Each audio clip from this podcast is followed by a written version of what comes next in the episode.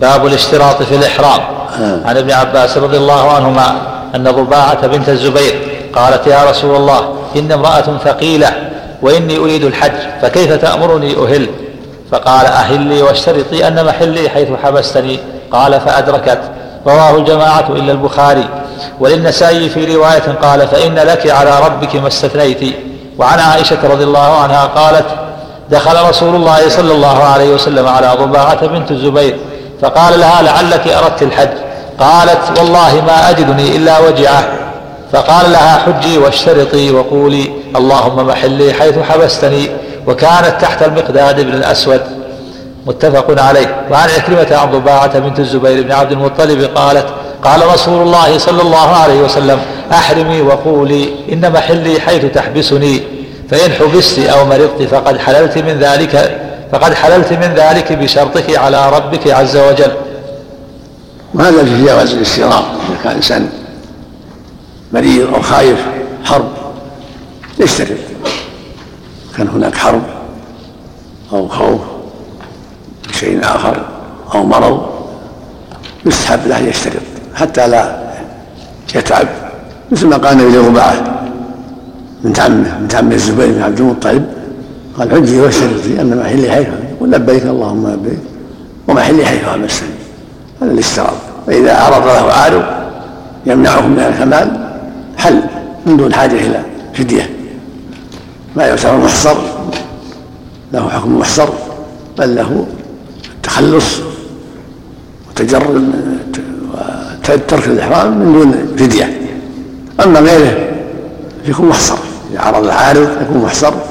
عليه ان ينحر ويحلق مثل ما فعل النبي يوم الحديبيه اذا جاء وحال بينه وبين مكه حائل عدو أو غيره ينحر هدي كان عنده هدي أو يصوم عشره أيام ويحلق أو يقصر ويحل نعم الافضل عدم الاشتراط لأن الرسول لم يشترط عليه الصلاه والسلام نعم نعم نعم أحسن الله إليك. الفقهاء يذكرون فإن يستدلون بهذا الحديث فإن لك على ربك ما استثنيت في الاشتراط في الاعتكاف. وغيره هل هذا سائر؟ يعني القاعدة في العبادات أنها توقيفية قاعدة توقيفية والاعتكاف مو بواجب. لو ما استثنى إذا خرج فلا بأس. نافلة مستحب. إذا أراد يقطعه فلا حرج عليه. نعم. الله إليك استطاع الوصول نعم. إلى عرفة نعم. لو استطاع الوقوف بعرفة لكن لا يستطيع دخول مكة. كيف يعني هل يحج ولا يعني يبقى محرما ولا لا محصر يصير محصر محصر نعم لا يستهني. أقول ثم يفعل ما يفعل محصر صلى الله عليه نعم السائل أو بعث الهدي يا شيخ في غير أشهر الحج ونحن. لا بأس ببعث الهدي ولا بأس ولا عليه السلام.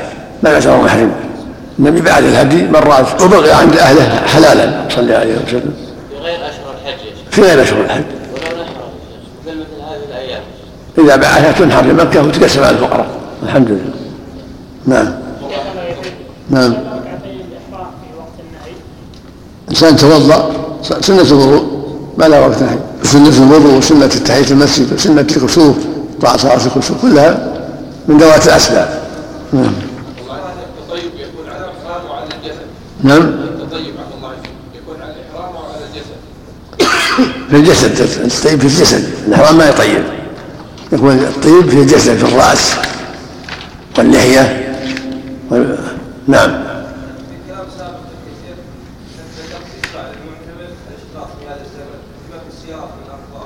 كيف؟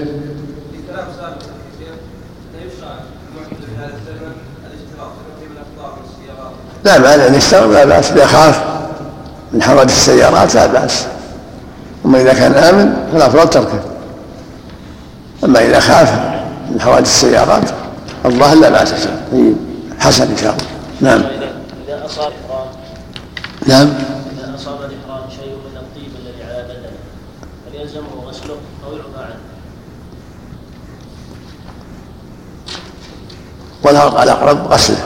أقول إذا تيسر غسله أحوط أحسن إذا تيسر غسله أحسن هل لا تلبس شيء من الثياب مسه الزعفران أو الورص صلى الله عليه وسلم نعم. سنة. باب التخيير بين التمتع والإفراد والقران وبيان أفضلها. عن عائشة رضي الله عنها قالت خرجنا مع رسول الله صلى الله عليه وسلم فقال من أراد منكم أن يهل بحج وعمرة فليفعل.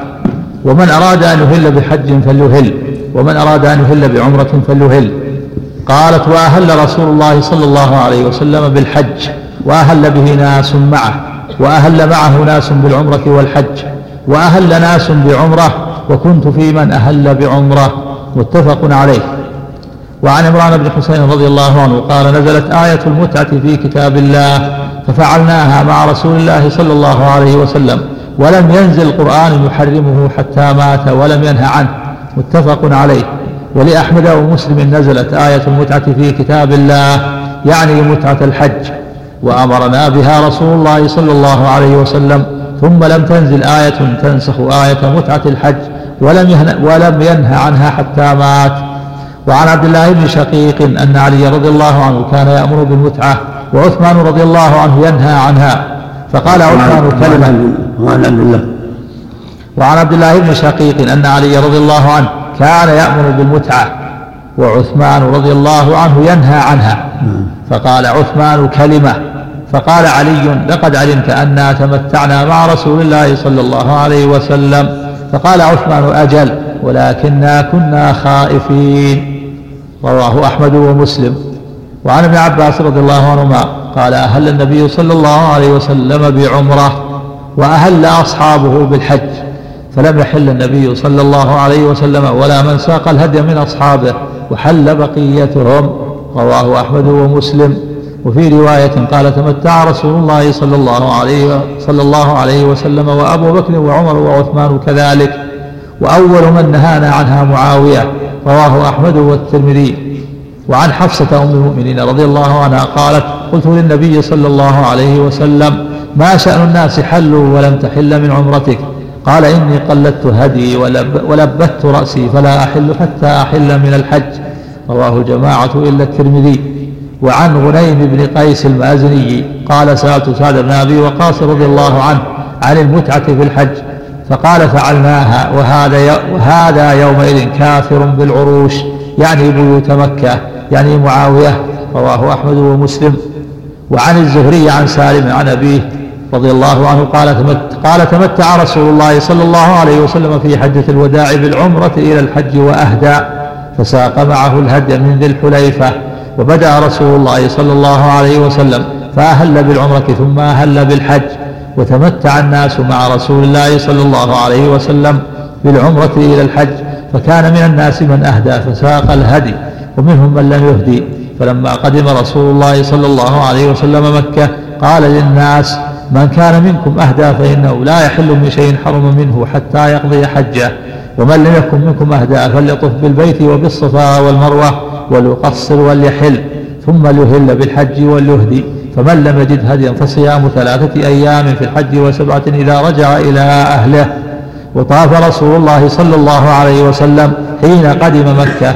فاستلم الركن أول شيء ثم خب ثلاثة أشواط من السبع ومشى أربعة أطواف ثم ركع حتى قضى طوافه بالبيت عند المقام ركعتين ثم سلم وانصرف فأتى الصفا فطاف بالصفا والمروة سبعة أشواط ثم لم يح ثم لم يحلل من أي من شيء حرم منه حتى قضى حجه ونحر هديه يوم النحر وأفاض فطاف بالبيت ثم حل من كل شيء حرم منه.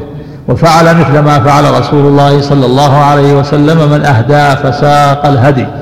وعن عروة عن عائشة رضي الله عنها مثل حديث سالم عن أبيه متفق عليه. وعن القاسم عن عائشة رضي الله عنها أن النبي صلى الله عليه وسلم أفرد الحج. رواه الجماعة إلا البخاري. وعن نافع عن ابن عمر رضي الله عنهما قال أهلنا مع رسول الله صلى الله عليه وسلم بالحج مفردا. رواه أحمد ومسلم ولمسلم أن النبي وعن نافع عن ابن عمر رضي الله عنهما قال أهللنا مع رسول الله صلى الله عليه وسلم بالحج مفردا. رواه أحمد ومسلم. ولمسلم أن النبي صلى الله عليه وسلم أهل بالحج مفردا. وعن بكر المزني عن أنس رضي الله عنه قال سمعت رسول الله صلى الله عليه وسلم يلبي بالحج والعمرة جميعا. يقول لبيك عمرة وحجا. نعم، نعم. وعن بكر المزني عن أنس رضي الله عنه قال سمعت رسول الله صلى الله عليه وسلم يلبي بالحج والعمرة جميعا يقول لبيك عمرة وحجا متفق عليه. وعن أنس أيضا رضي الله عنه قال خرجنا نصرخ بالحج. فلما قدمنا مكة أمرنا رسول الله صلى الله عليه وسلم أن نجعلها عمرة وقال لو استقبلت من أمري ما استدبرت لجعلتها عمرة ولكن سقت الهدي وقرنت بين الحج والعمرة. رواه أحمد. وعن عمر بن الخطاب رضي الله عنه قال سمعت رسول الله صلى الله عليه وسلم وهو بوادي العقيق يقول أتاني الليلة آت من ربي؟ فقال صل في هذا الوادي المبارك وقل عمرة في حجة رواه أحمد والبخاري وابن ماجه وأبو داود وفي رواية للبخاري وقل عمرة وحجة. وعن مروان بن الحكم قال شهدت عثمان وعليا وعثمان ينهى عن المتعة وأن وأن وأن يجمع بينهما. فلما رأى ذلك علي أهل بهما لبيك بعمرة وحجة وقال ما كنت لأدع سنة النبي صلى الله عليه وسلم لقول أحد. رواه البخاري والنسائي. وعن السبي بن معبد قال كنت رجلا نصرانيا فأسلمت فأهللت بالحج والعمرة. قال فسمعني زيد بن صوحان وسلمان بن ربيعة وأنا أهل بهما. فقال لهذا أضل من بعير أهله. فكأنما حمل علي بكلمتهما جبل. فقدمت على عمر بن الخطاب رضي الله عنه فأخبرته فأقبل عليهما فلامهما وأقبل علي فقال لقد هديت لسنة نبيك محمد صلى الله عليه وسلم رواه أحمد وابن ماجه والنسائي وعن سراقة بن مالك قال سمعت النبي صلى الله عليه وسلم يقول دخلت العمرة في الحج إلى يوم القيامة قال وقرن رسول الله صلى الله عليه وسلم في حجة الوداع رواه أحمد وعن البراء بن عازب رضي الله عنه قال لما قدم علي من اليمن على رسول الله صلى الله عليه وسلم قال وجدت فاطمة قد لبست ثيابا صبيغا وقد نضحت البيت بنضوح فقالت فقالت ما لك؟ إن رسول الله صلى الله عليه وسلم قد أمر أصحابه فحلوا. قال قلت لها إني أهللت بإهلال رسول الله صلى الله عليه وسلم. قال فأتيت النبي صلى الله عليه وسلم فقال لي كيف صنعت؟ قال قلت أهللت بإهلال النبي صلى الله عليه وسلم. قال فإني قد سقت الهدي وقرنت. قال فقال لي انحر لي من البدن سبع وستين أو ستا وستين وانسك لنفسك ثلاثا وثلاثين أو أربعا وثلاثين وأمسك لي من كل بدن من كل بدنة منها بضعة. رواه أبو داود. بسم الله الرحمن الرحيم. اللهم صل وسلم على هذه الأحاديث العديدة التي ساقها المؤلف رحمه الله فيما يتعلق بالإحرام بالحج والعمرة والحج مفردا والعمرة وحدها ويبين بذلك ما وقع في عهده صلى الله عليه وسلم في حجة الوداع وما جرى من بعض الخلاف في عهد عثمان وبعد وبعد ذلك في عهد معاوية والمحفوظ في هذا أنه صلى الله عليه وسلم لبى بالحج والعمرة جميعا كما في حديث ابن عمر في الصحيحين وحديث أنس أنس وحديث عمران بن حسين وغيرهم. من روى هذه السنة والعمر للصبي معبد فريد لسنة النبي صلى الله عليه وسلم وقد أحرم بهما وقد استفاضت الأحاديث عنه صلى الله عليه وسلم بأنه أحرم بهما جميعا. وهكذا جماعة من الصحابة أحرموا بالحج والعمرة جميعا. وطائفة أحرموا بالحج مفردا وطائفة أحرموا بالعمرة مفردة. قد خيرهم النبي صلى الله عليه وسلم في الميقات خيرهم بذلك. فمنهم من لبى بالحج مفردا منهم من لبى بالعمرة مفردة. منهم من جمع بينهما. وهذه الأنساك الثلاثة النبي جمع بينهما عليه الصلاة والسلام. كما صحت به أخبار عنه عليه الصلاة والسلام. وقال عمر رضي الله عنه إنه سمع الذي يقول إن الله إن الله انه اتاه ات من ربه. فقد صلي في هذا الوادي المبارك من وادي الحليفة. وقل عمرة في حجة. فلبى بهما. هذا هو المحفوظ. ووقع لعائشة وابن عمر وعدد من الصحابة بعض الروايات أنه لبى بالحج. فكانه أراد بذلك أنه لبى بالحج أي مع العمرة فلم ينقل ذلك من رواه عنه. قد يكون اختصروا الرواية في بعض الأحيان فظن بعض الناس أنه لم يبدو بالعمرة ويحتمل أن بعضهم نسي ذلك. فالمقصود أن من رواية من روى بالحج أن أفرد الحج فهو وهم ممن روى إفراد الحج وهو منه نسيان لما وقع من النبي صلى الله عليه وسلم والقاعدة أن من أثبت مقدم على من نفى ومن أثبت الزيادة مقدم. قد ثبتت في الأحاديث المستفيضة عنه صلى الله عليه وسلم الصحيحين وغيرهما أنه محرم بهما جميعا. وقال لو استخرجنا من يمين السدرات ما استدرات ما أهديت ولا جعلتها عمرة وكان لما قدم مكة عليه الصلاة والسلام أمرهم أن يجعلوها عمرة إلا من سقى الحج. فأمر من لبى بالحج مفردا أو بهما جميعا أن يجعلها عمرة ويتحلل لأنه أرفق بالناس. فحلوا جميعا إلا من كان معه الهدي. فإنه بقي على إحرامه ومنهم النبي عليه الصلاة والسلام بقي على إحرامه. فلما كان يوم النحر حل عليه الصلاة والسلام. وأمر علي أن يقدم له سبعا وستين من الإبل وهو قد أهدى مئة فنحرها بيده. ونحرها علي للبقية وهي سبعة وثلاثون وأشركه في هديه. فلم يحل علي. بقي على إحرامه. ولما حل الناس رحمك الله يوم النحر ورأت فاطمة رضي الله عنها علي لم يحل سألته عن ذلك. ما شأن الناس حلوا ولم تحل أنت. المقصود أن أخبرها أن النبي صلى الله عليه وسلم أهل النبي صلى الله عليه وسلم؟ والنبي لم لم يحل لأنه ساق الهدي. وعلي رضي الله عنه قال أشركه النبي الهدي فلم يحل. هذا هو السنة. السنة الإحرام بالعمرة. إلا من ساق الهدي فإن السنة يحرم بهما جميعا. ويبقى على إحرامه حتى يحل منهما يوم النحر. أما من ليس معه هدي فإن السنة يحرم بالعمرة ويتحلل ثم يلبي بالحج يوم الثاني كما أرشد النبي إلى ذلك لأنه أرفق بالناس. وفيه جمع بين النسكين كل واحدة واحدة وهو أكمل في أعمالهما. وكان الصديق رضي الله عنه وعمر بعد ذلك أحب للناس أن يفردوا الحج وحده حتى يكفر الحجاج والعمار مع علمه الا بانه صلاه قرن لكن رأي منهما راياه أن يفرد الناس الحج من باب المشورة وتبعهما عثمان وكان يرى إفراد الحج أو لا تكون عمرة في وقت آخر. فخلف علي رضي الله عنه وأرضاه في وقت عثمان وأهل بهما جميعا ليعلم الناس السنة. قال ما كنت أدع سنة رسول الله قول أحد من الناس ليعلم الناس السنة وأنه لا حرج في إحرام بهما جميعا في أيام الحج في وقت الحج. ممن ساق الهدي. أما من لم يسوق الهدي فإن السنة يحرم بالعمرة. مفردة فيطوف ويسعى ويقصر ويحل ثم يلبي بالحج في اليوم الثامن. هذه السنة المستقرة وما سوى ذلك فوهم من من رواه. لكن من أراد أن يحرم بالحج وحده فلا حرج. لكن الأفضل والأولى أن يجعل عمره. كما أرشد النبي الصحابة إلى ذلك. وجعلوها عمرة بأمره صلى الله عليه وسلم لأنه ارفق به وأكثر عملا وأكثر اجرا.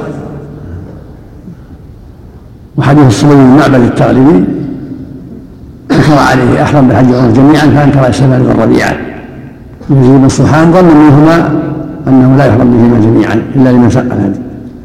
فقال فلما قدم على عمر في المدينة قال له ابن عمر هديت سنة النبي عليه الصلاة والسلام. فدل على أن أمر عمر والصديق للناس بالإفراد ليس على سبيل الإلزام إنما هو على سبيل الاختيار. ولهذا قال للصبي هديت لسنة النبي صلى الله عليه وسلم لا محرم بهما. وهذا هو الذي التبس على كثير من الناس ونسبه بعض الناس إلى معاوية. معاوية سلك مسلك عثمان في مشورة على الناس بالعمرة فقط. يبيع الحج فقط والعمرة تؤجل إلى وقت آخر. سيرا من معاوية على ما فعله عثمان رضي الله عنه وأرضاه. والأفضل والأولى هو ما فعله النبي صلى الله عليه وسلم مثل ما فعل علي رضي الله عنه وأرضاه. أن من ساق الهدي يحرم بهما جميعا ومن لم يسق الهدي يحرم بالعمره هذا هو الأفضل. وما رآه الصديق وعمر وعثمان راي لهم السنة بخلافه ولهذا لما خاصم بعض الناس ابن عباس وقال له إنك تأمر الناس بالعمره والصديق وعثمان وعمر يأمران بالحج.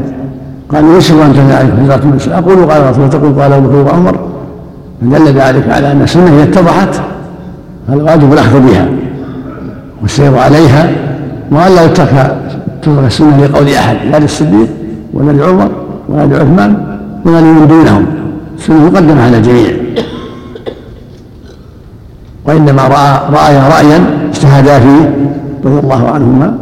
والصواب خلاف ذلك ومن فعل ما رأياه جعل العمرة في رجب أو في شعبان أو في وقت آخر. وأفراد الحج فلا حرج.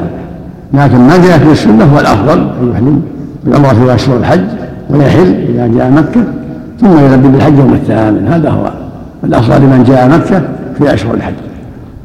وفق الله الجميع. نعم. صلى الله عليه قول عثمان إنا كنا خائفين. هذا ليس بالظاهر. الظاهر وهم, وهم بعض الرواة أو نسيان منه رضي الله عنه وأرضاه. الناس حجة الوداع في غاية الأمن. نعم. قد أزال الله الشرك وقضى عليه من الناس. واستقرت واستقر الإسلام في مكة.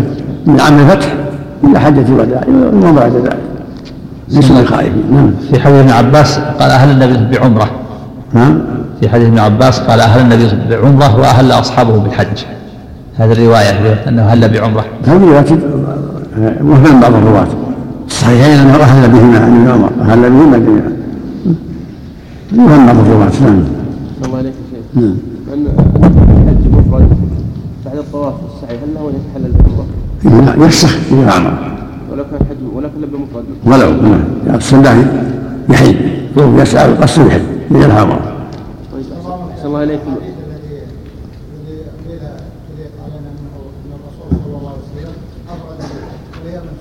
لا لا ورد ورد غلط بعض الرواة إنما قرن بينهم.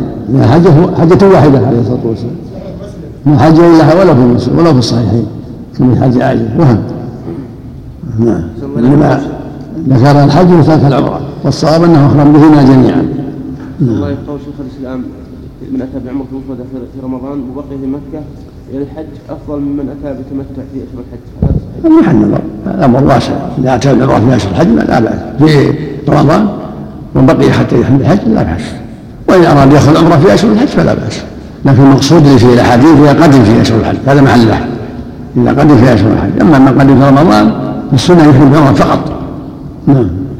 اسلام معاويه لم قول سعد رضي الله عنه يعني قبل قبل يسلم اسلم عام الفتح. أو عام أو عام عمرة القضاء نعم. سنة الفتح الله نعم معاوية سنة الفتح. هذا المشهور من عام الفتح عام عام عمره القضاء. قبل الفتح سنة. نعم. يقتضي سعد أو سعد يقتضي من محور الا ما, ما, ما أسلم الا عام الفتح. بعد الوداع بعد نعم. الوداع.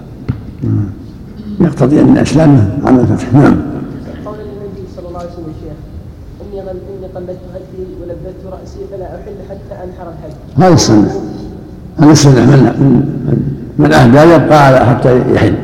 حتى يحل يوم النحر. نعم. باب إدخال الحج على العمرة. عن نافع قال أراد ابن عمر رضي الله عنه الحج عام حجة الحرورية في عهد ابن الزبير فقيل له إن الناس كائن بينهم قتال فنخاف أن يصدوك. فقال لقد كان لكم في رسول الله أسوة حسنة. إذا أصنع كما صنع رسول الله صلى الله عليه وسلم. أشهدكم أني قد أوجبت عمرة. ثم خرج حتى إذا كان بظاهر البيداء قال ما شأن الحج والعمرة إلا واحد. أشهدكم أني قد جمعت حجة مع, مع عمرتي. وأهدى هديا مقلدا اشتراه بقديد. وانطلق حتى قدم مكة. فطاف بالبيت وبالصفا ولم يزد على ذلك. ولم يحلل من شيء حرم منه حتى يوم النحر. فحلق ونحر. ورأى أن قد قضى طواف الحج والعمرة بطوافه الأول ثم قال هكذا صنع النبي صلى الله عليه وسلم متفق عليه. وعن جابر رضي الله عنه أنه قال أقبلنا مهلين مع رسول الله صلى الله عليه وسلم بحج مفرد. وأقبلت عائشة رضي الله عنها بعمرة حتى إذا كنا بسرث عركت حتى إذا قدمنا مكة طفنا بالكعبة والصفا والمروة. فأمرنا رسول الله صلى الله عليه وسلم أن يحل منا من لم يكن معه هدي. قال فقلنا حل ماذا؟ قال الحل كله فواقعنا النساء وتطيبنا بالطيب ولبسنا ثيابنا وليس بين وليس بيننا وبين عرفة إلا أربع ليال. ثم أهللنا يوم التروية. ثم دخل رسول الله صلى الله عليه وسلم على عائشة رضي الله عنها فوجدها تبكي. فقال ما شأنك؟ قالت شأني أني قد حضت وقد حل الناس ولم أحلل ولم أطف بالبيت والناس يذهبون إلى الحج الآن. فقال إن هذا أمر كتبه الله على بنات آدم فاغتسلي ثم أهلي بالحج. ففعلت ووقفت المواقف حتى إذا طهرت طافت بالكعبة وبالصفا والمروة. ثم قال لقد حللت من حجتك وعمرتك جميعا. فقالت يا رسول الله إني أجد في نفسي أني لم أطف بالبيت حين حججت. قال فاذهب بها يا عبد الرحمن فأعمرها من التنعيم وذلك ليلة الحصبة. متفق عليه. باب من أحرم مطلقا أو قال أحرمت بما أحرم, بما أحرم به فلان. عن أنس رضي الله عنه. الحمد لله اللهم صل وسلم على رسول الله وعلى أما بعد هذا الحديثان في قصة في إحرام في إدخال الحج على العمرة. المشروع أنساك ثلاثة إحرام بالحج وحده أو بالعمرة وحدها أو بهما جميعا. ويجوز أن يحرم بالعمرة ثم يدخل عليها الحج. والحديث والباب في هذا في هذا في هذه المسألة. هذا حرج أن يحرم الناس بالعمرة ثم يدخل عليها الحج؟ كما فعل الصحابة في أمر النبي عليه الصلاة والسلام. اللهم صل ولهذا لما قيل ابن عمر في ذلك عام خروج الخوارج مجلس الحرور جماعة قال إن صدوني فعل ما فعل النبي صلى الله عليه وسلم ثم أحرم بالعمرة ثم أدخل عليها الحج. فلما قدم مكة طاف وسعى وبقي على إحرامه قد كان ساق حجا من قديد فلما كان يوم النحر حلق رأسه ورأى أنه قد وحل ورأى أنه قد تم حجه بطوافه وسعيه الأول. هذا الذي فعله ابن عمر الله عنه كله صحيح. فإن المحرم له أن يحرم بالحج مع العمرة جميعا كما فعل النبي صلى الله عليه وسلم في حجة الوداع فالإحرام بهما جميعا وأحرم بهما جماعة وله أن يحرم بالحج مفردا كما أحرم به جماعة كعائشة والجماعة كجماعة غير غير عائشة. أحرم بالحج مفردا وله أن يحرم بالعمرة لكن إن ساق الهدي فالسنة أن يحرم بهما جميعا كما فعل النبي صلى الله عليه وسلم. هو الأفضل أن يحرم بهما جميعا. ويبقى على إحرامه حتى يحل منهما جميعا. فإن لم يسوق الهدي فالسنة يحرم بالعمرة كما أمر به النبي الصحابة واستقرت عليه السنة. أن يحرم بالعمرة فيطوف ويسعى ويقص ويحل. ثم يلبي بالحج يوم يوم التروية كما أمر به النبي الصحابة رضي الله عنهم وأرضاهم إلا من كان معه الهدي. فابن عمر فعل ما فعل في أيام الحرورية وقدم مكة قارنا سائقا الهدي فطاف وسعى وبقي على إحرامه. ثم نحر في يوم النحر وتحلل حلق وتحلل ورأى أن طوافه سعيه قد أدى عنه مناسك الحج والعمرة جميعا.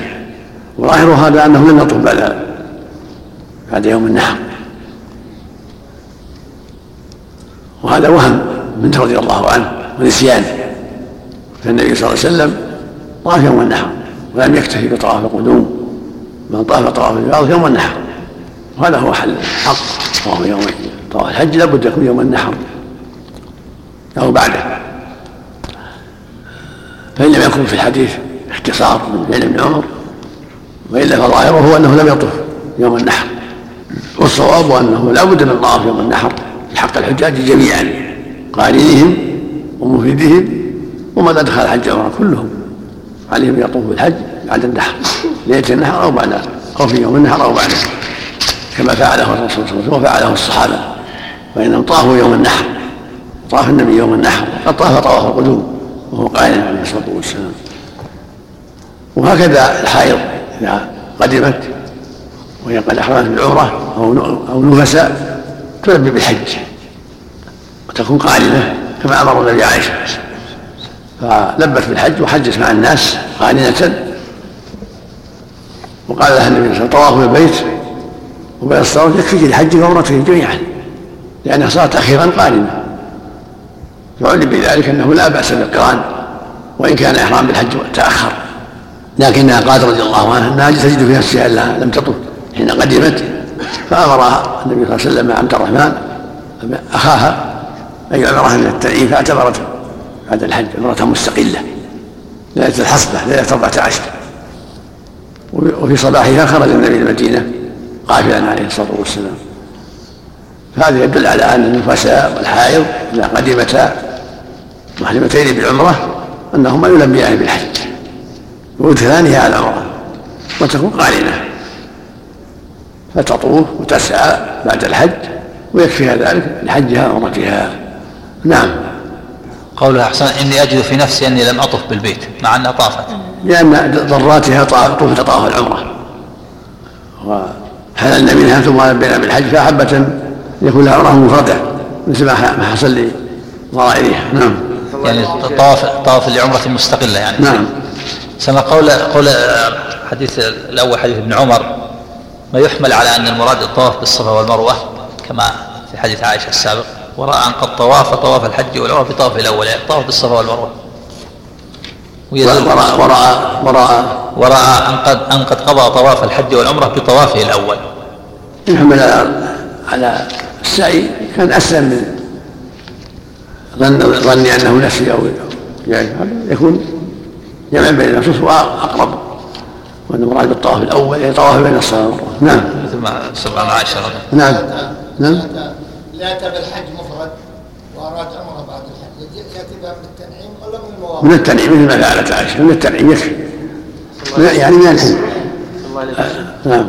والنبي صلى الله عليه وسلم أمر من لم يسق الهدي بالإحلال ولم يأذن إلا لعائشة. ما يدل على وجوب من لم يسق الوجوب يعني من لم يسق الهدي أن يحل إلا من عذر مثل عذر عائشه هذا قول بعض أهل العلم والمشهور أنها للسنيه مشهور عند العلماء أنها للسنيه نعم مشهور أنها للسنيه ابن القيم رحمه الله يميل إلى الوجوب لظاهر الأوامر. شيء تقي الدين يقول إنه وجب على الصحابة في حق عينهم ولكن الجمهور على انه مستحب للجميع. من حج قارنا وساق الهدي ولم يسوق الهدي السنة له أن يحل. قد يستدل لهم بحديث اروى بن مضرس فانه حج ولم. يامره النبي صلى الله عليه وسلم بان يتحلل لكنه إنما سأل النبي صلى الله عليه وسلم ليلة عرفة فليس في حجة ظاهره المقصود أن القول بوجوب الفسخ قول قوي لظاهر الاوامر نعم. وهو وإليه يميل ابن القيم رحمه الله مطلقا. وهو المشهور عن ابن عباس. من من حج على البيت وطاف وسعى فقد حج. ساعة يعني اذا لم يسوق الحج نعم. صلى الله عليه وجه تقييد شيخ الإسلام بالصحابه نعم. وجه تقييد شيخ الإسلام بالصحابه الصحابة بالخصوص. ليس بظاهر. أو ليس بظاهر. يعني الرسول باشرهم بالامر لكن أمره لهم أمر لغيرهم. حديث سراقه احسن كلام ابن القيم في هذا أقوى من كلام شيخ الإسلام. قول بالوجوب أقوى أقوى في الأدلة. حديث سراقة احسنك بل لأبد أبد. نعم. حديث سراقة بل لأبد أبد. نعم. عام عام جميع. نعم. ويستدل الجمهور بفعل الصديق وعمر وعثمان كانوا لكن ما عندهم السادس. يحرمون بالحج ولا يحلون إلا بعد ذلك. وكان علي رضي الله عنه وأرضاه وابن عباس يحث الناس على العمرة. والصديق وعمر وعثمان رأوا أن يقدم بحج حتى يكون العمرة لها وقت آخر حتى يكثر الزوار للبيت والعمار والحجاج من باب الاجتهاد. نعم. لكن أحسن الله ما ذكر توجيه الشيخ الإسلام له؟ نعم. ما ذكر توجيه لما اختار ما ما اتذكر شيء واضح. نعم. هذا ليس بشيء لا. عامة النبي قال لأبد الأبد غلط قول أبي ذر. نعم. أفضل أفضل. أفضل ولو في الثامن. ولو في الثامن يحل ثم يحل بالحج الحمد لله. ما لنا شيء ما لنا شيء نعم. ولو في أول يوم التاسع. نعم. ولو في أول يوم التاسع. ولا معنى ولا مانع ليوم التاسع. نعم نعم. نعم. الله عملك إذا لم يتمكن المتمتع من الإحلال هل يكفيه النية ويدخل في الحج مباشرة؟ لم يحل يعني إحرامه تطيب. لأن الأمر ضاق عليه. الوقت. الأمر واسع إن تطيبه سنه وان لم يتطيب الحمد لله. نعم. أحسن الله إليك. نعم.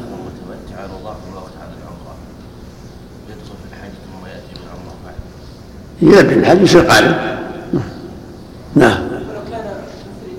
نعم. باب من أحرم مطلقا أو قال أحرمت بما أحمر ب- بما أحرم به فلان. عن أنس رضي الله عنه قال قدم علي قال قدم علي على النبي صلى الله عليه وسلم من اليمن.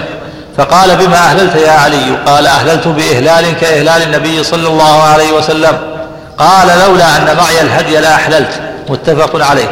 ورواه النسائي من حديث جابر رضي الله عنه. وقال فقال لعلي بما أهللت.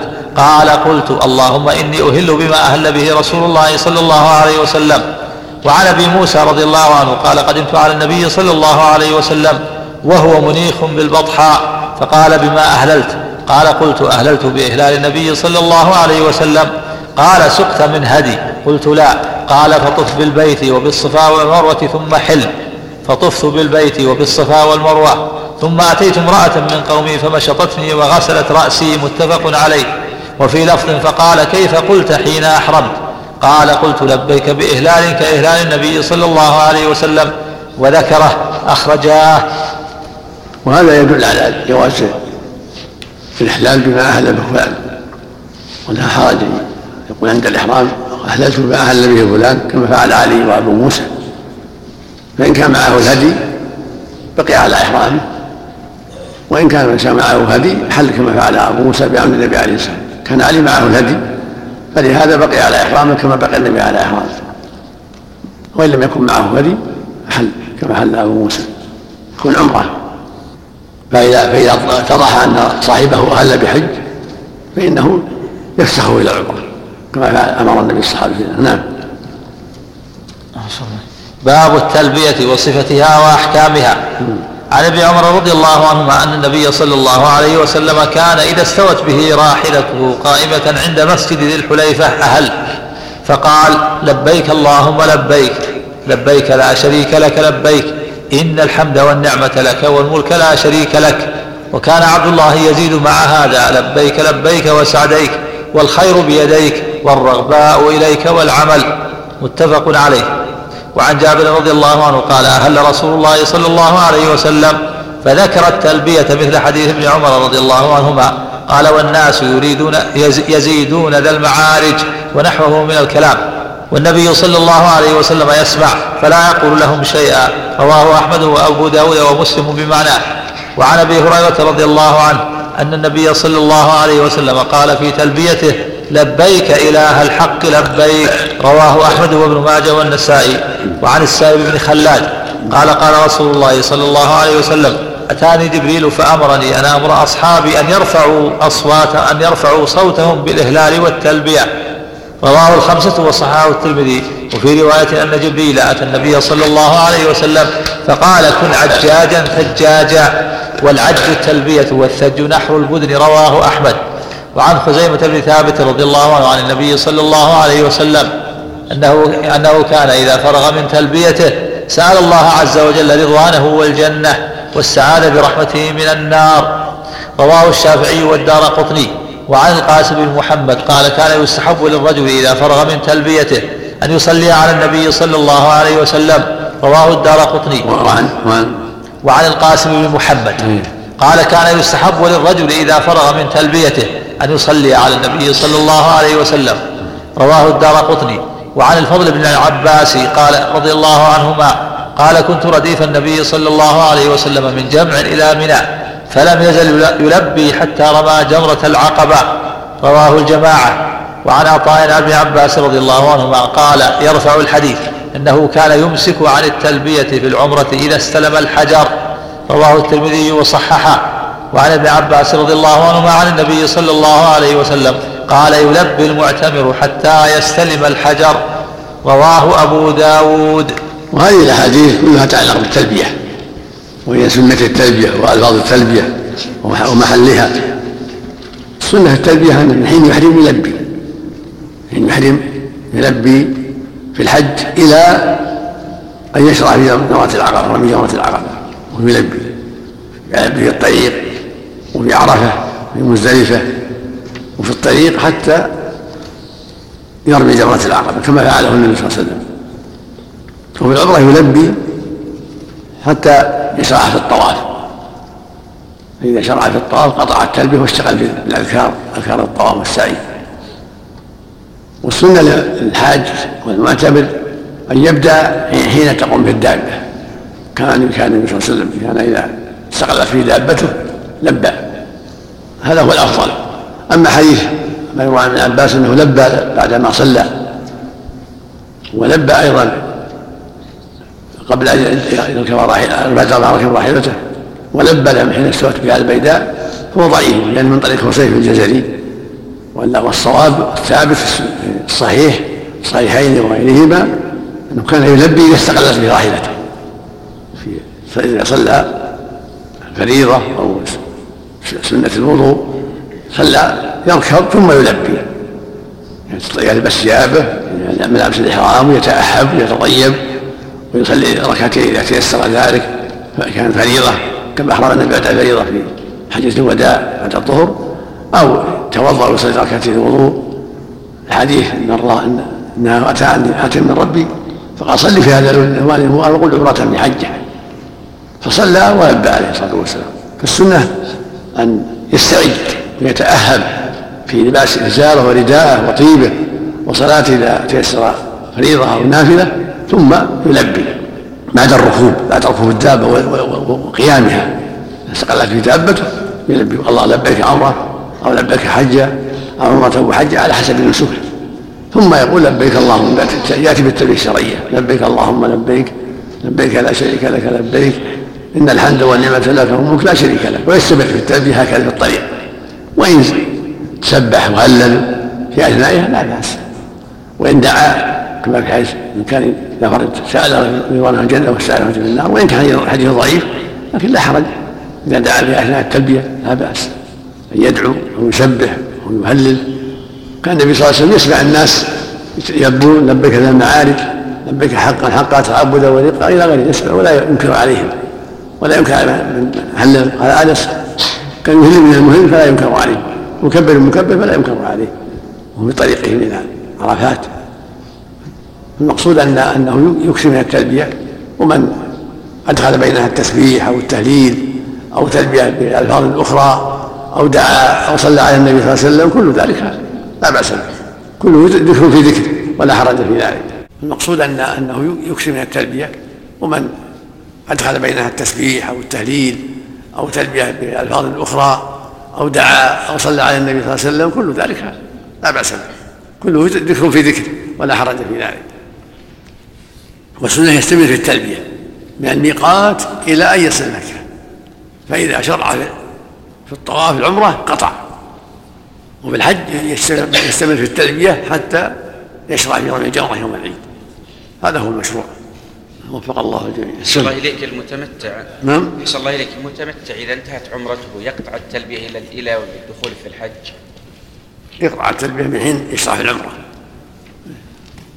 فإذا لبى بالحج بعد ذلك شرع أما القارن فيستمر حتى حتى حتى يحل من حل من حج. أحسن الله. حتى يرمي يعني يشرع في رمي الجمرة عفى الله عنك. عفى الله عنك. من أخطأ وتطيب بعد أن صلى في الميقات ركعتين.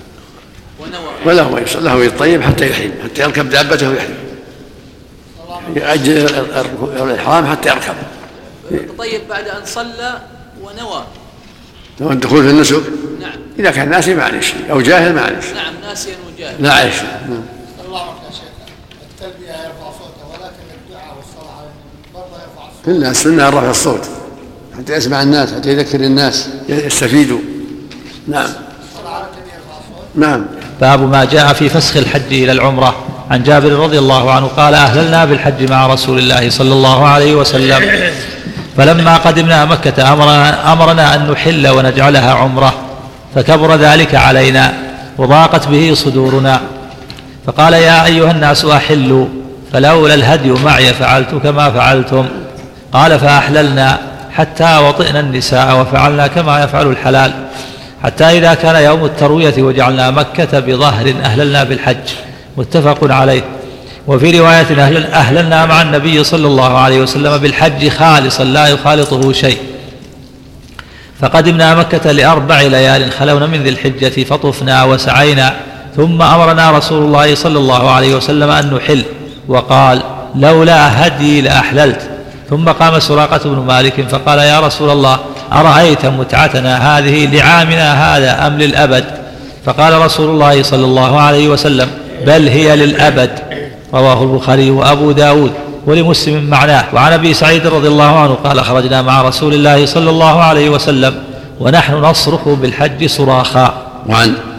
وعن أبي سعيد رضي الله عنه نعم. قال خرجنا مع رسول الله صلى الله عليه وسلم ونحن نصرخ بالحج صراخا. فلما قدمنا مكة أمرنا أن نجعلها عمرة إلا من ساق الهدي. فلما كان يوم التروية ورحنا إلى منى أهللنا بالحج. رواه أحمد ومسلم. وعن أسماء بنت أبي بكر رضي الله عنهما قالت خرجنا محرمين. فقال رسول الله صلى الله عليه وسلم من كان معه هدي فليقم على إحرامه ومن لم يكن معه هدي فليحلل فلم يكن معي هدي فحللت. وكان مع الزبير هدي فلم يحلل.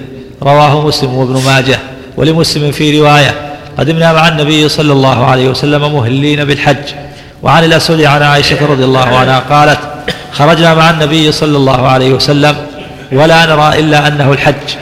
فلما قدمنا تطوفنا بالبيت وأمر النبي صلى الله عليه وسلم من لم يكن ساق الهدي أن يحل فحل من لم يكن ساق الهدي ونساؤه لم يسقن فأحللنا قالت عائشة رضي الله عنها فحضت فلم أطف فلم أطف بالبيت وذكرت قصتها متفق عليه. وعن ابن عباس رضي الله عنهما قال كانوا يرون العمرة في أشهر الحج من أفجر الفجور في الأرض ويجعلون المحرم صفر ويقولون إذا برأ الدبر وعفى الأثر وانسلخ صفر حلت العمرة لمن اعتمر فقدم النبي صلى الله عليه وسلم وأصحابه صبيحة رابعة مهلين بالحج فأمرهم أن يجعلوها عمرة فتعاظم ذلك عندهم فقالوا يا رسول الله أي الحل؟ قال حل كله متفق عليه. وعنه رضي الله عنه قال قال رسول الله صلى الله عليه وآله وسلم هذه عمرة استمتعنا بها فمن لم يكن عنده هدي فليحلل الحل كله فإن العمرة قد دخلت في الحج إلى يوم القيامة. رواه أحمد ومسلم وأبو داود. وعنه أيضا أنه سئل عن متعة الحج فقال أهل, المحاجر أهل المهاجرون والأنصار وأزواج النبي صلى الله عليه وسلم في حجة الوداع وأهللنا. فلما قدمنا مكة قال رسول الله صلى الله عليه وسلم اجعلوا إهلالكم بالحج عمرة إلا من قلد الهدي. فطفنا بالبيت وبالصفا والمروة وأتينا النساء ولبسنا الثياب. وقال من قلد الهدي فإنه لا يحل له حتى يبلغ الهدي محلة. ثم أمرنا عشية التروية أن نهل بالحج. وإذا فرغنا من المناسك جئنا فطفنا بالبيت وبالصفا والمروة. فقد تم حجنا وعلينا الهدي كما قال الله تعالى فما استيسر من الهدي فمن لم يجد فصيام ثلاثة أيام في الحج وسبعة إذا رجعتم إلى أمصاركم. رواه البخاري. وعن أنس رضي الله عنه أن النبي صلى الله عليه وسلم بات بذي الحليفة حتى أصبح ثم أهل بحج وعمرة وأهل الناس بهما. فلما قدمنا أمرنا فلما قدمنا أمر الناس فحلوا حتى كان يوم التروية أهلوا بالحج. قال ونحر النبي صلى الله عليه وسلم سبع بدنات بيده قياما وذبح بالمدينة كبشين أملحين. رواه أحمد. قال ونحر النبي صلى الله عليه وسلم سبع بدنات بيده عن من عن من؟ عن أنس. عن أنس؟ نعم. عن أنس. رضي الله عنه أن النبي صلى الله عليه وسلم بات بذي الحليفة حتى أصبح ثم أهل بحج وعمرة وأهل الناس بهما فلما قدمنا أمر أمر الناس فحلوا حتى كان يوم التروية اهلوا بالحج. قال ونحر النبي صلى الله عليه وسلم سبع بدنات بيده قياما. وذبح بالمدينة كبشين أملحين رواه أحمد والبخاري وأبو داود.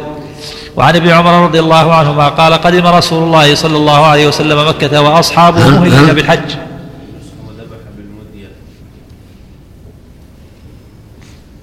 عندك المدينة ولا بالمدية؟ بالمدينة وذبح بالمدينة كبشين أملحين. قبلها بكلمة. نحر, نحر سبعة. ونحر النبي صلى الله عليه وسلم سبع بدنات بيده قياما وذبح بالمدينة كبشين أملحين. رواه أحمد والبخاري وأبو داود. لا الله أنها بالمدية بالسكين يعني. هو بالمدينة بعدما رجع من حج الإبل الإبل نحرها نحرا. أو في نحرها. وهو ضحى عادة كبشين يضحي بكبشين إيه؟ في منى. بالمدية ذبحها بالمدية مو بالنحر. وهو مقصود في سنة أخرى بالمدينة. لا لا مراد هالسنة وحجة الوداع. يخبر عن حجة الوداع. يعني سبع بدنات إما أنها زايدة على المئة ولا من جملة 63 الذين نحرها بيده وأمر علي يذبح البقية 37 نعم. وعن ابن عمر رضي الله عنهما قال قدم رسول الله صلى الله عليه وسلم مكة وأصحابه مهلين بالحج. فقال رسول الله صلى الله عليه وسلم من شاء أن يجعلها عمرة إلا من كان معه الهدي. قالوا يا رسول الله أيروح أحدنا إلى منى وذكره يقطر منيا؟ قال نعم وسطعت المجامر. رواه أحمد. وعن الربيع بن سبرة عن أبيه قال خرجنا مع رسول الله صلى الله عليه وسلم حتى إذا كنا بعسفان. قال له سراقة بن مالك المدرجي يا رسول الله اقض لنا قضاء قوم كأنما ولدوا اليوم. فقال إن الله عز وجل قد أدخل عليكم في حجكم عمرة. فإذا قدمتم فمن تطوف بالبيت وبين الصفا والمروة فقد حل إلا من كان معه هدي رواه أبو داود. وعن البراء بن عازب رضي الله عنه قال خرج رسول الله صلى الله عليه وسلم وأصحابه. قال فأحرمنا بالحج فلما قدمنا مكة قال اجعلوا حجكم عمرة. قال فقال الناس يا رسول الله قد أحرمنا بالحج كيف نجعلها عمرة؟ قال انظروا ما آمركم به فافعلوا. فردوا عليه القول فغضب ثم انطلق حتى دخل على عائشة وهو غضبان. فرأت الغضب في وجهه فقالت من أغضبك؟ أغضبه الله. فقال وما لي لا أغضب وأنا آمر بالأمر فلا أتبع. رواه أحمد وابن ماجه. وعن ربيعة بن أبي عبد الرحمن عن الحارث بن بلال عن أبيه. قال قلت يا رسول الله فسخ الحج لنا خاصة أم للناس عامة؟ قال بل لنا خاصة. وعن ربيعة. وعن ربيعة بن أبي عبد الرحمن عن الحارث بن بلال عن أبيه قال قلت يا رسول الله فسخ الحج لنا خاصة أم للناس عامة. قال بل لنا, قال بل لنا خاصة. رواه الخمسة إلا الترمذي وهو بلال بن الحارث المزني. وعن سليم بن أسود أن أبا ذر رضي الله عنه كان يقول في من حج ثم فسخها بعمرة لم يكن ذلك إلا للركب الذين كانوا مع رسول الله صلى الله عليه وسلم. رواه أبو داود ولمسلم والنسائي وابن ماجه. عن إبراهيم التيمي عن أبيه عن أبي ذر رضي الله عنه قال كانت المتعة في الحج لأصحاب رسول الله صلى الله عليه وسلم خاصة. وعن ولمسلم والنسائي وابن ماجة عن إبراهيم التيمي عن أبيه عن أبي ذر رضي الله عنه قال كانت المتعة في الحج لأصحاب رسول الله صلى الله عليه وسلم خاصة. قال أحمد بن حنبل حديث بلال بن الحارث عندي ليس بثابت ولا أقول به ولا يعرف هذا الرجل يعني الحارث بن بلال. وقال أرأيت لو عرف الحارث بن بلال إلا أن أحد عشر رجلا من أصحاب من أصحاب النبي صلى الله عليه وآله وسلم يرون ما يروون من الفسخ. أين يقع الحارث بن بلال منهم؟ وقال في رواية أبي داود وليس يصح حديث في أن الفسخ كان لهم خاصة. وهذا أبو موسى الأشعري يفتي به في خلافة أبي بكر وشطرا من خلافة عمر. قلت ويشهد لما قاله قوله في حديث جابر بل هي للأبد. وحديث, وحديث أبي ذر موقوف. وقد خالفه أبو موسى وابن عباس رضي الله عنهم وغيرهما. بسم الله الرحمن الرحيم. الحمد لله وصلى الله وسلم على رسول الله وعلى آله وصحبه. أما بعد هذه الأحاديث الكثيرة وما جاء في معناها عن النبي صلى الله عليه وسلم كلها تدل على أن الصحابة مع نبيهم صلى الله عليه وسلم في حجة الوداع أحرموا بالأنساك الثلاثة. خيرهم النبي صلى الله عليه وسلم فطائفة احرمت بالحج مفردا وطائفة احرمت بالعمرة مفردة وطائفة أحرموا بالحج والعمرة جميعا. ومنهم النبي صلى الله عليه وسلم؟ فإنه أحرم بالحج والعمرة جميعا. قال أنس وأبو سعيد كنا نصرخ بهما صراخا الحج والعمرة. وكان منهم من أهدى ومنهم النبي صلى الله عليه وسلم؟ ومنهم من لم يهدي. فلما قدموا مكة أمرهم صلى الله عليه وسلم أن يجعلوها عمرة. قال يا رسول الله كيف أن يجعلوها مقسم من الحج؟ قال افعلوا ما أمرتكم به. وذلك لأن قريشا كانوا يعتبرون العمرة في أشهر الحج من أفسد الهجوم ويرون أن أشهر الحج ما فيها إلا حج ما فيها عمرة. فأراد أن يخالفهم وأن يبطل هذه العادة التي ساروا عليها واعتقدوها. فامر النبي صلى الله عليه وسلم أن يجعلوها عمرة حتى يشتهر ذلك. وهذا في آخر حياته حجه الوداع وقد أدى العمرة أيضا في أشهر الحج في عمرة القضاء وفي عمرة الحديبية وفي عمرة الجعرانة كلها في ذي القعدة خلافا للجاهلية. وما كانوا يعتقدون من أنها من أفجر الفجور. فأبطل ذلك بأفعاله صلى الله عليه وسلم. وبقوله في حجة الوداع اجعلوها عمرة. فقصروا وحلوا وجعلوا عمرة وسمعوا وأطاعوا إلا من كان معه الهدي. وقال لولا أن معي الهدي لأحللت. قال لو استقبلت من المسجد ما أهديت ولا جعلتها عمرة. فعلم بهذه الأحاديث الصحيحة الكثيرة أن السنة لمن قدم مكة وليس معه هدي أن يجعلها عمرة. إذا كان في أشهر الحج شوال أو ذي القعدة أو في العشر الأول من ذي الحجة يجعلها عمرة. يطوف ويسعى ويقصر ويحل. ثم يلبي بالحج يوم الثامن كما فعل الصحابة بأمره صلى الله عليه وسلم. لبوا بالحج يوم الثامن. وهذا هو السنة. إلا من كان معه الهدي من إبل أو بقر أو غنم هذا يبقى على احرامه ولو ذبيحة واحدة.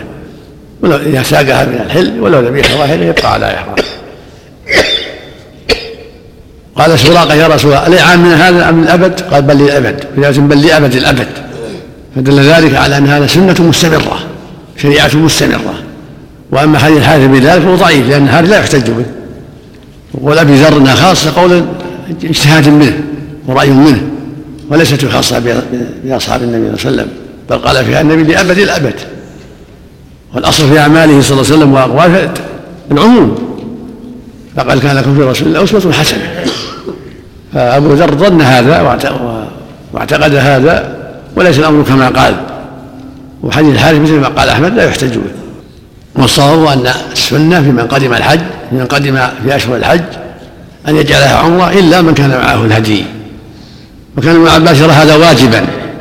ويقول من طاف وسعى فقد حل شاء أم أبى. هل يقصر ويحل. قال ابن القيم وإلى ما قاله ابن عباس أمين. وجوب وجوب الفسخ. الشيخ تقييد رحمه الله يرى أن هذا واجب على الصحابة. مستحب في حق غيرهم.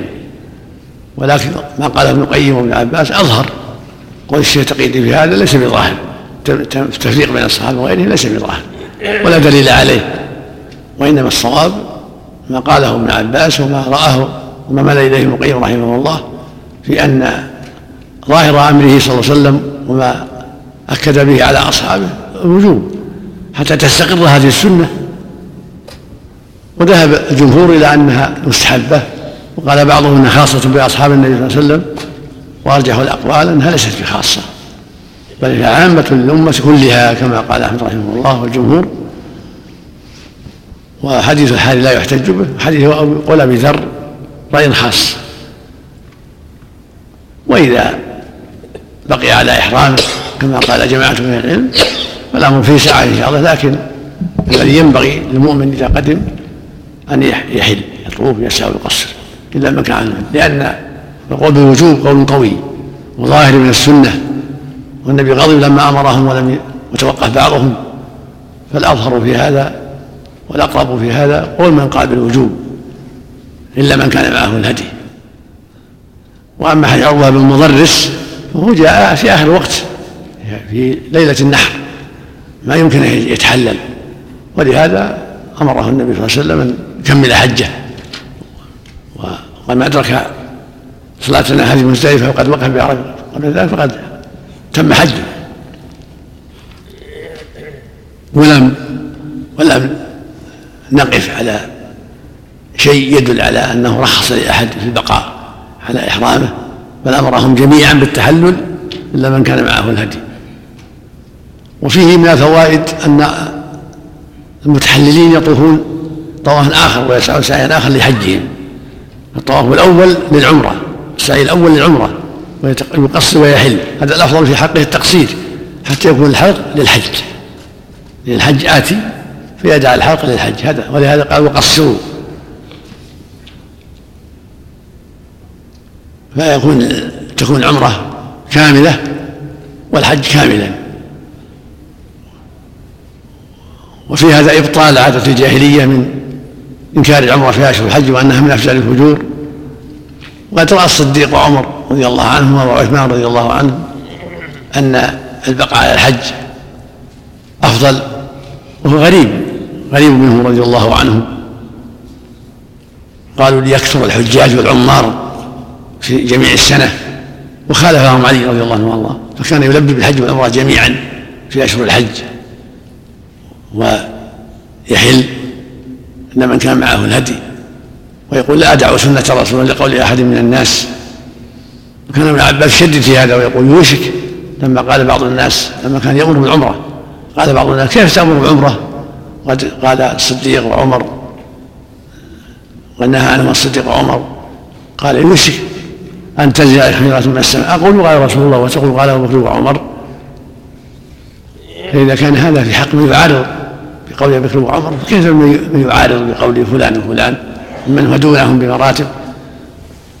السنة لا معارض لها يجب الأخذ بها والاعتماد عليها لأنها هي الوحي الذي أمر الله الأمة أن تأخذ به. وما آتاكم الرسول خذوه ونهاكم عنه فانتهوا. قل أطيعوا الله وأطيعوا الرسول فإن تولوا فإنما علي ما حملوا وعليكم ما حملتم وإن تطيعوه تهتدوا. قل إن كنتم تحبون الله فاتبعوه يحبكم الله ويغفر لكم ذنوبكم. والصديق وعمر اجتهدا وتابعهما عثمان ليكثر الحجاج والعمار فالله يغفر لهم ويرضى عنهم. ولكن مع هذا مع اجتهادهم ما أنكروا من؟ ما أنكروا على من؟ قرن بين الحج والعمره ما أنكروا عليه. فإن الصبي بن معبد التغلبي لما أحرم بالحج والعمره وأنكر عليه سلمان بن ربيعة. ويزيد بن صوحان قدم المدينة وأتى عمر. فقال هديت سنه نبيك. قال هديت بين. عمر إن تحرم الحج والعمره سنة سنة النبي صلى الله عليه وسلم. ولكنهما رأيا إفراد الحج اجتهادا منهما ليكثر العمار في رمضان وفي رجب وفي غيره من بقية السنة حتى يكون تكون مكة والحرم مطروقين في جميع السنة.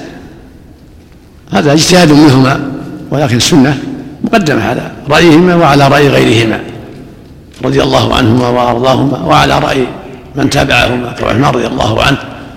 فهم رضي الله عنهم اجتهدوا ولهم أجرهم في اجتهادهم ولكن السنة مع من رأى العمرة في اشهر الحج وأن من احرم بالحج وحده بالحرم والعمره جميعا أنه يفسخ إذا بان كما قال علي رضي الله عنه وابن عباس ومن تابعهما من أهل العلم والإيمان.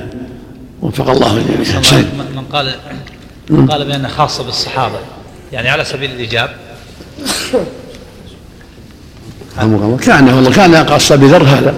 يعني على سبيل الإيجاب ومن عداهم على سبيل الاستحباب لو يحمل هذا له محمل حسن وأظن الشيخ تقريبا ما لا إلى هذا يعني. كان رأى حمل ابي ذر على هذا. وأن الايجاب خاص بهم والاستحباب لغيرهم لكن ما يظهر لي فيه دليل واضح.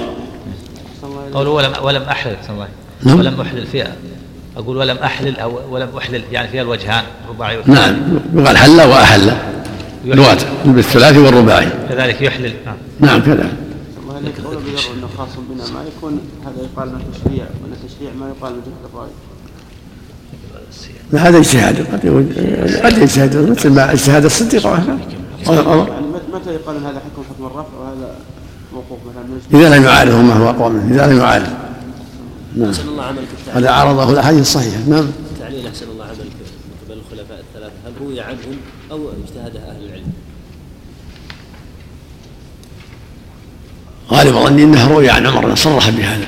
يكثر الحجاج والعمار الله قوله الحديث ولا نرى إلا أنه الحج. نرى بالفتح يعني على نعلم أو نرى يسمع يحتمل هذا وهذا. نرى نعلم ونرى نظن. هو الأقرب انهم أنهم لا يعلمون إلا هذا. هو هو الأقرب. يلزمون هو الأقرب. يعني على عادة على عادة الجاهلية. ما يعرفون ما يعرفون العمر. ما يعرفون العمر. نعم ولا نرى هذه عادة الجاهلية. نعم. الكبشين أحسن الله إليك. أضحية أم هدي؟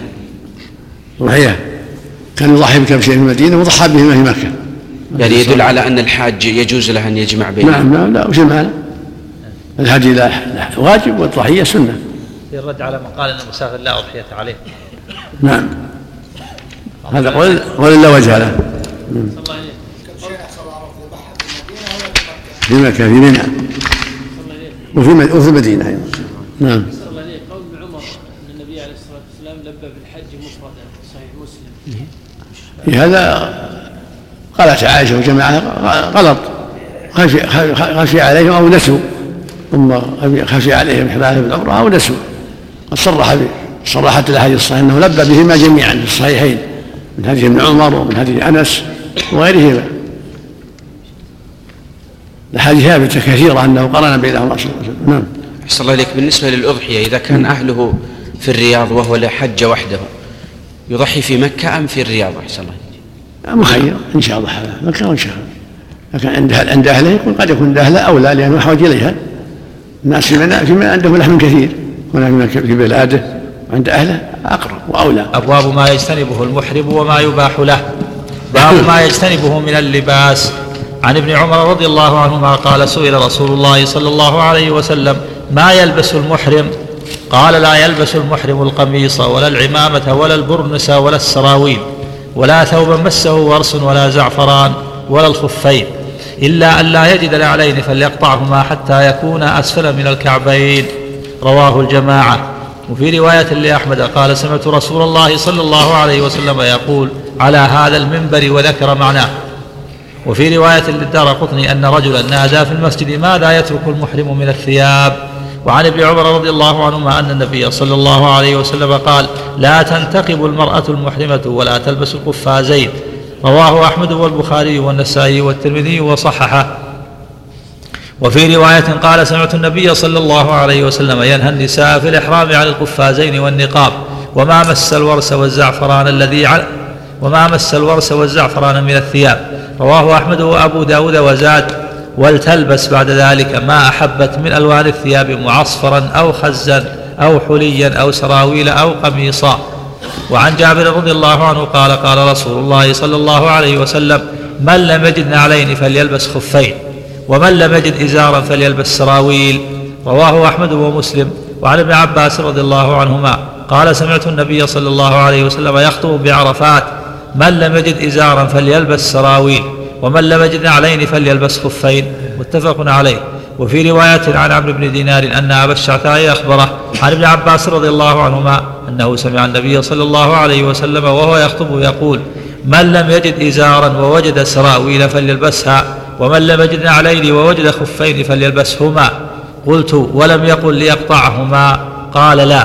رواه أحمد. وهذا بظاهره ناسخ لحديث ابن عمر يقطع الخفين. لأنه قاله بعرفات في وقت الحاجة. وحديث ابن عمر كان بالمدينة كما سبق في رواية أحمد والدار قطني. وعن عائشة رضي الله عنها قالت كان الركبان يمرون بنا ونحن مع رسول الله صلى الله عليه وسلم ونحن مع رسول الله صلى الله عليه وآله وسلم محرمات.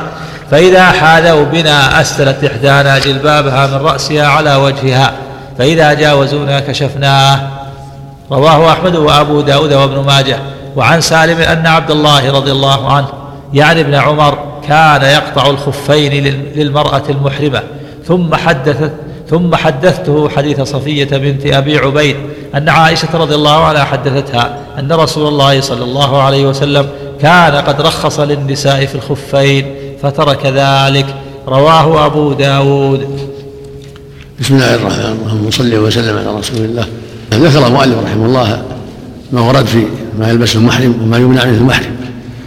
هذه الأحاديث كلها تدل على أن المحرم يمنع من اللباس إذا كان ذكرا من المخيط خاصة لأن الإحرام له حالة من التقشف وإظهار الانكسار بين يدي الله وتذكر الآخرة والوقوف بين يدي الله فله لباس خاص ومن ذلك كشف الرأس.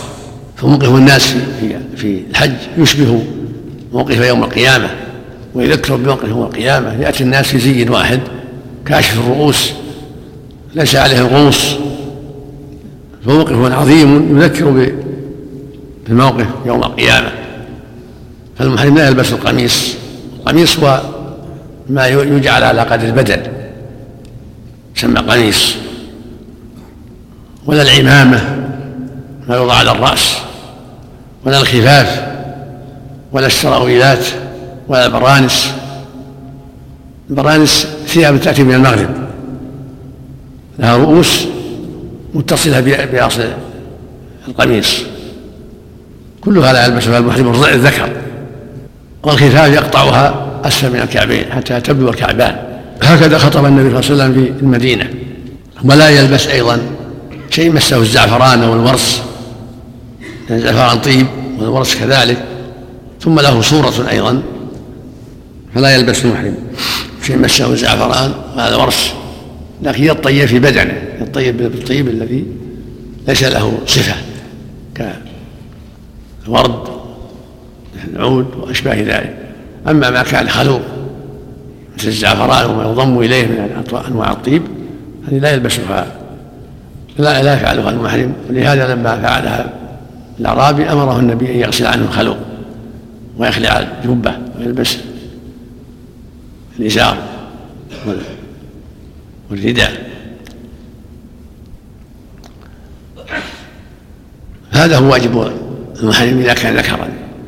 يكون إزار ورداء إلا إذا عدم السراويل إذا عدم الإزار يلبس السراويل وإذا عدم الخفين النعلين يلبس الخفين.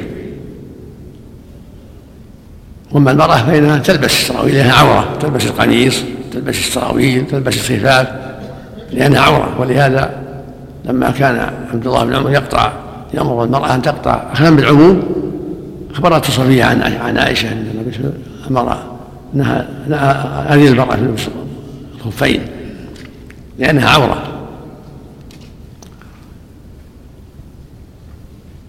واختلف العلماء في القص القطع هل هو منسوخ أو محكم. ذهب قوم إلى أنه محكم وأنه يقطع إذا لم يجد نعلا قطع الخفين وذهب آخرون إلى أنه منسوخ لأنه صلى لما خطب الناس في عرفات لم يأمرهم بالقطع. وعرفات هي المجمع العظيم الذي لم يحضروا المدينة ولم يحضروا خطبة المدينة. فدل ذلك على أن القطع إما مندوب فقط وإما منسوخ. والأقرب النسخ.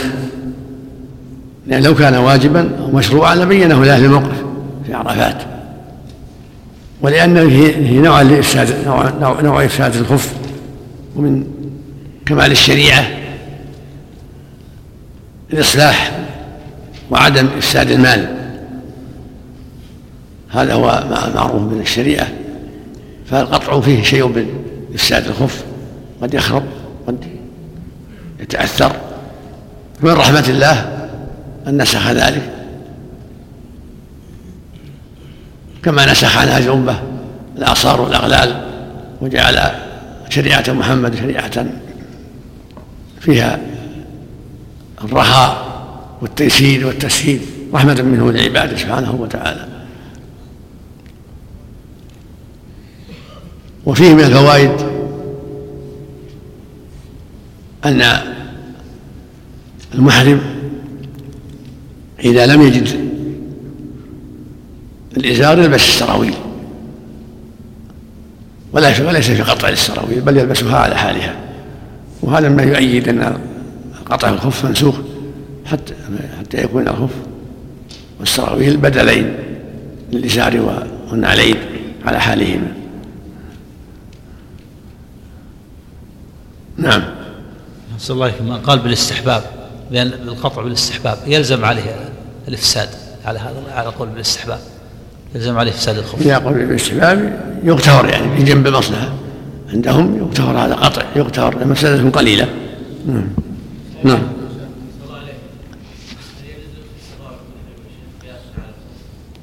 إذا إذا عدم النعل إذا لم يجد نعلا نعم. نعم.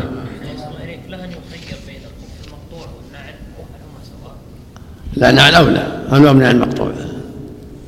والمقطوع جائز لكن النعل هي الأصل. والمقطوع مثل النعل. إذا كان خف قصير تحت الكعبين هو مثل النعل. نعم.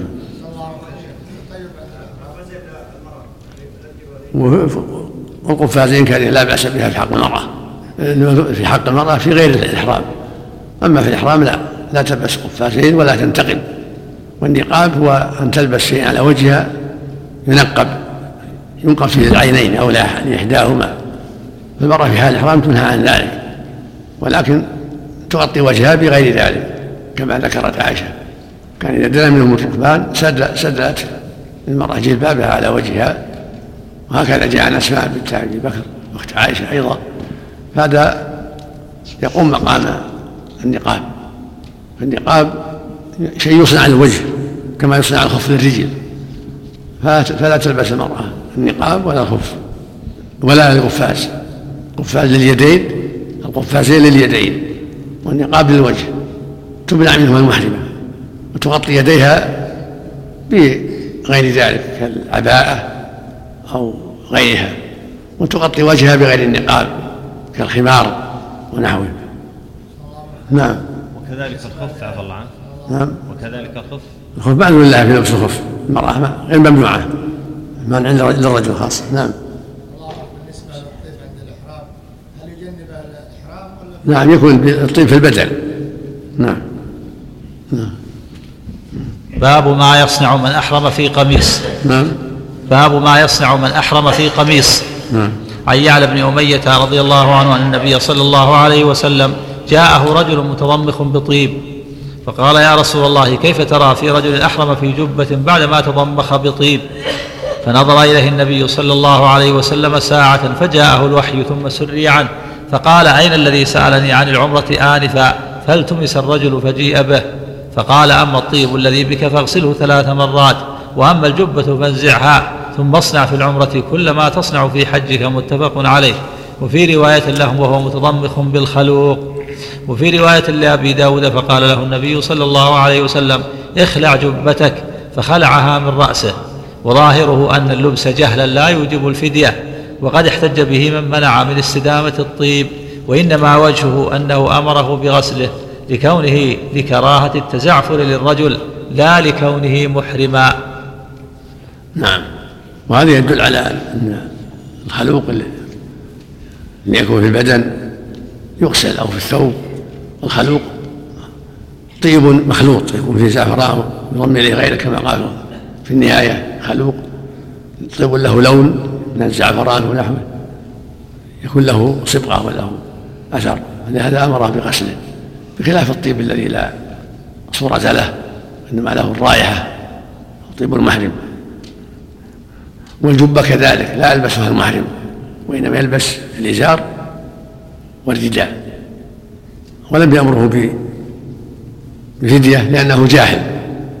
فدل ذلك على أن الجاهل لو لبس المخيط أو تطيب فلا شيء عليه من أجل الجهل ويعلم لأن الرسول ما لم يأمره بالفدية وإنما أمره بنزعه بغسل الخلوق ونزع الجبة وقال اصلح في عمرتك ما أنت صانع في حاجتك. نعم. يعني يطوف ويسعى ويقصر كما يفعل الحاج. أحسن الله إليك. نعم. قوله وقد احتج به من منع من استدامة الطيب. نعم. قوله وقد احتج به من منع من استدامة الطيب وإنما وجهه أنه أمره بغسله لكونه لكراهة التزعفر للرجل لا لكونه. نعم. لا لأجل الطيب إن النبي تطيب عند الإحرام طيبة عائشة عند الإحرام. هو لم يمنع يمنع أنها امرهم بغسل الخلوق لأجل الطيب بل لأن له صورة لأن له صفة. الخلوق شيء يعمل من أنواع الطيب له صورة زعفران يضم إليه غيره. بخلاف الطيب الذي لا طيبة من عائشة طيبة من المسك وهكذا مثل الورد ومثل مثل العود وأشباهها هذا لا صورة له ولا يضم إليه شيء. نعم. لكن احتجاج من منع يكون, به يكون في البدن. يكون في البدن لا في الثياب. أحسن الله عليك احتجاج من من احتج به من من منع استدامة الطيب. نعم. يقول وقد احتج به من منع من استدامة الطيب. لا من لا حجة له في ذلك. النبي صلى الله عليه وسلم استدام الطيب. كان يرى على فارقه صلى الله عليه وسلم وهو محرم. نعم. ما وإنما أمر بغسله لأن له صفة له لون. له لون. أحسن, أح- أحسن الله لهذا أمره بغسل الخلوق لا. الذي الذي عل- عليه. أما جنس الطيب فهو مأمور به المحرم سنة في حق المحرم. أن يطيب عند إحرامه كما طيب النبي عند إحرامه عليه الصلاة والسلام. بأنواع الطيب التي ليس لها صورة. من الإب من الورد المسك. وغيرها. نعم. التعليل أحسن الله إليك. كان التعليل اللي بعده أن يقول قد احتج به من لا يمنع استدامة الطيب وإنما وجهه أنه أمره بغسله لكونه لكراهة التزعف قد احتج به إيش؟ قد احتج به من منع استدامة الطيب. لكن لا حجة في ذلك. إنما هو سل لكن- بعض الناس ابن عمر كان لا يطيب ولا يستديم الطيب فلا حجة فيه. المحرمين الطيب ويستديم الطيب لا بأس. كما فعله النبي صلى الله عليه وسلم. لكن الحديث العلة. هذا لا حجة فيه لأنه إنما أمر بغسله لأنه خلوق له لون وله صورة فلهذا أمر بإزالته. ما يكون أحسن الله لك التعليل آه، قوله إنما وجهه يؤيد أنه أن المراد وقد احتج به من لا يمنع استدامة الطيب نعم. نعم. نعم. آه، ما يضره. ما عرف شيء. من عرف مكانه له لون أزاله كما ما عرف مكانه الحمد لله. لكن إذا قال لا تلبس شيء مسه الزعفران أو المرس. شيء له له, لون. نعم.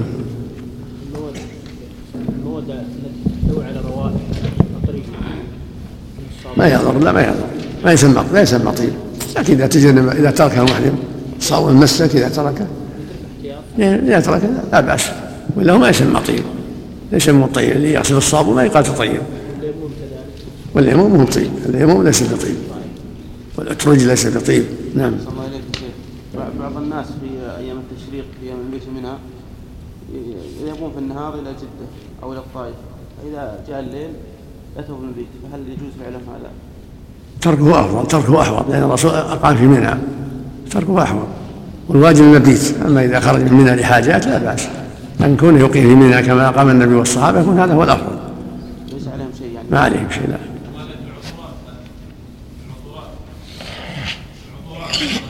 إيش فيه؟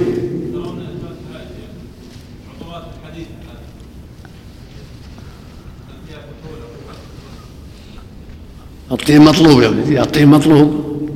بجميع أنواع الطيب.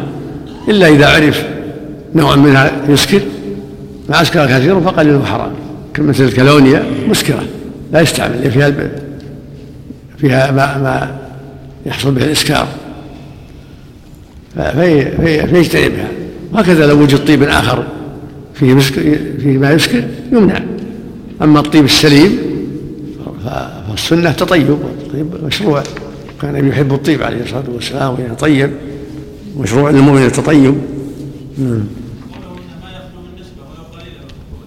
ما أسكر كثيره فقليل حرام كان يسكر كثيره هذا الممنوع أما اذا كان لا يسكر ما يمنع. نعم. باب باب تظلل المحرم من الحر أو غيره والنهي عن تغطية الرأس. عن أم الحسين رضي الله عنها قالت حججنا مع رسول الله صلى الله عليه وسلم حجة الوداع فرأيت أسامة وبلالا وأحدهما آخذ بخطام ناقة النبي صلى الله عليه وسلم والآخر رافع ثوبه يستره من الحر حتى رمى جمرة العقبة. وفي رواية حججنا مع النبي صلى الله عليه وسلم حجة الوداع فرأيته حين رمى جمرة العقبة وانصرف وهو على راحلته ومعه بلال وأسامة أحدهما يقود به راحلته والآخر رافع ثوبه على رأس النبي صلى الله عليه وسلم يظله من الشمس. رواهما أحمد ومسلم. وعن ابن عباس رضي الله عنهما أن رجلا أوقصت راحلته وهو محرم فمات فقال رسول الله صلى الله عليه وسلم اغسلوه بماء وسدر. وكفنوه في ثوبيه ولا تخمروا وجهه ولا رأسه فإنه يبعث يوم القيامة ملبيا. رواه أحمد ومسلم والنسائي وابن ماجه. بسم الله الرحمن الرحيم. اللهم صل وسلم على رسول الله. ذكر المؤلف هنا رحمه الله أحاديث رمي النبي صلى الله عليه وسلم الجمرة قد أضله أحد بلال بالثوب أو أسامة. حديث الذي وقصته راحلته. هذا يدل على أنه لا حرج في أن يستظل الإنسان وهو محرم بالشجر أو بالخيمة أو بالشمسية التي ترفع على الرأس كالثوب.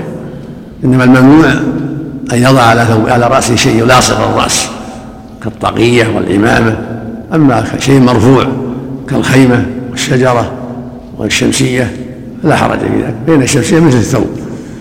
وفيها أنه جاء في الروايات وأنه وقع بين الجمرات يسأل يسأله الناس عن أحكام دينهم هذا يقول رميت قبل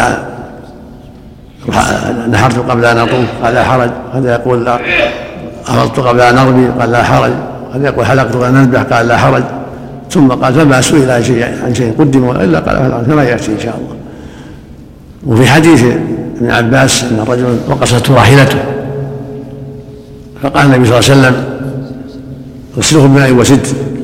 وكفنه بثوبيه ولا تحنطوه ولا تخمر رأسه ولا وجهه. هذا يدل على أن إذا مات في الإحرام قبل أن يحل فإنه يدفن فإنه يكفن في ثوبيه يعني ازاره وردائه ولا يخمر رأسه ولا يلبس القميص. فإنه بقي على احرامه ولهذا قال فإنه يبعث يوم القيامة ملبيا يعني محرما ولا يطيب. معنى قال ولا تحنطوه يعني الطيب. ولا تخمر رأسه ولا وجهه. هكذا في صحيح مسلم. والحديث اصله متفق عليه ولا تخمر رأسه زاد مسلم ولا وجهه. هذا يدل على أنه بقي على إحرامه وأنه لا يطيب ولا يخمر رأسه ولا وجهه ولا ولا يلبس القميص بل يكفن في ثوبيه يعني في زاره ورداءه ويغسل بالماء والسدر. هكذا هذا حكم من مات قبل التحلل الأول. نعم. هذا على ما يقضى عنه. ما نعم. يكمل هذا دليل على أنه ما يكمل عنه الحج. ولا يكمل عنه. دليل على أنه لا يكمل عنه. حجه تام ولهذا لم يأمر النبي صلى الله عليه وسلم يكمل عنه. صلى الله عليه وسلم. نعم.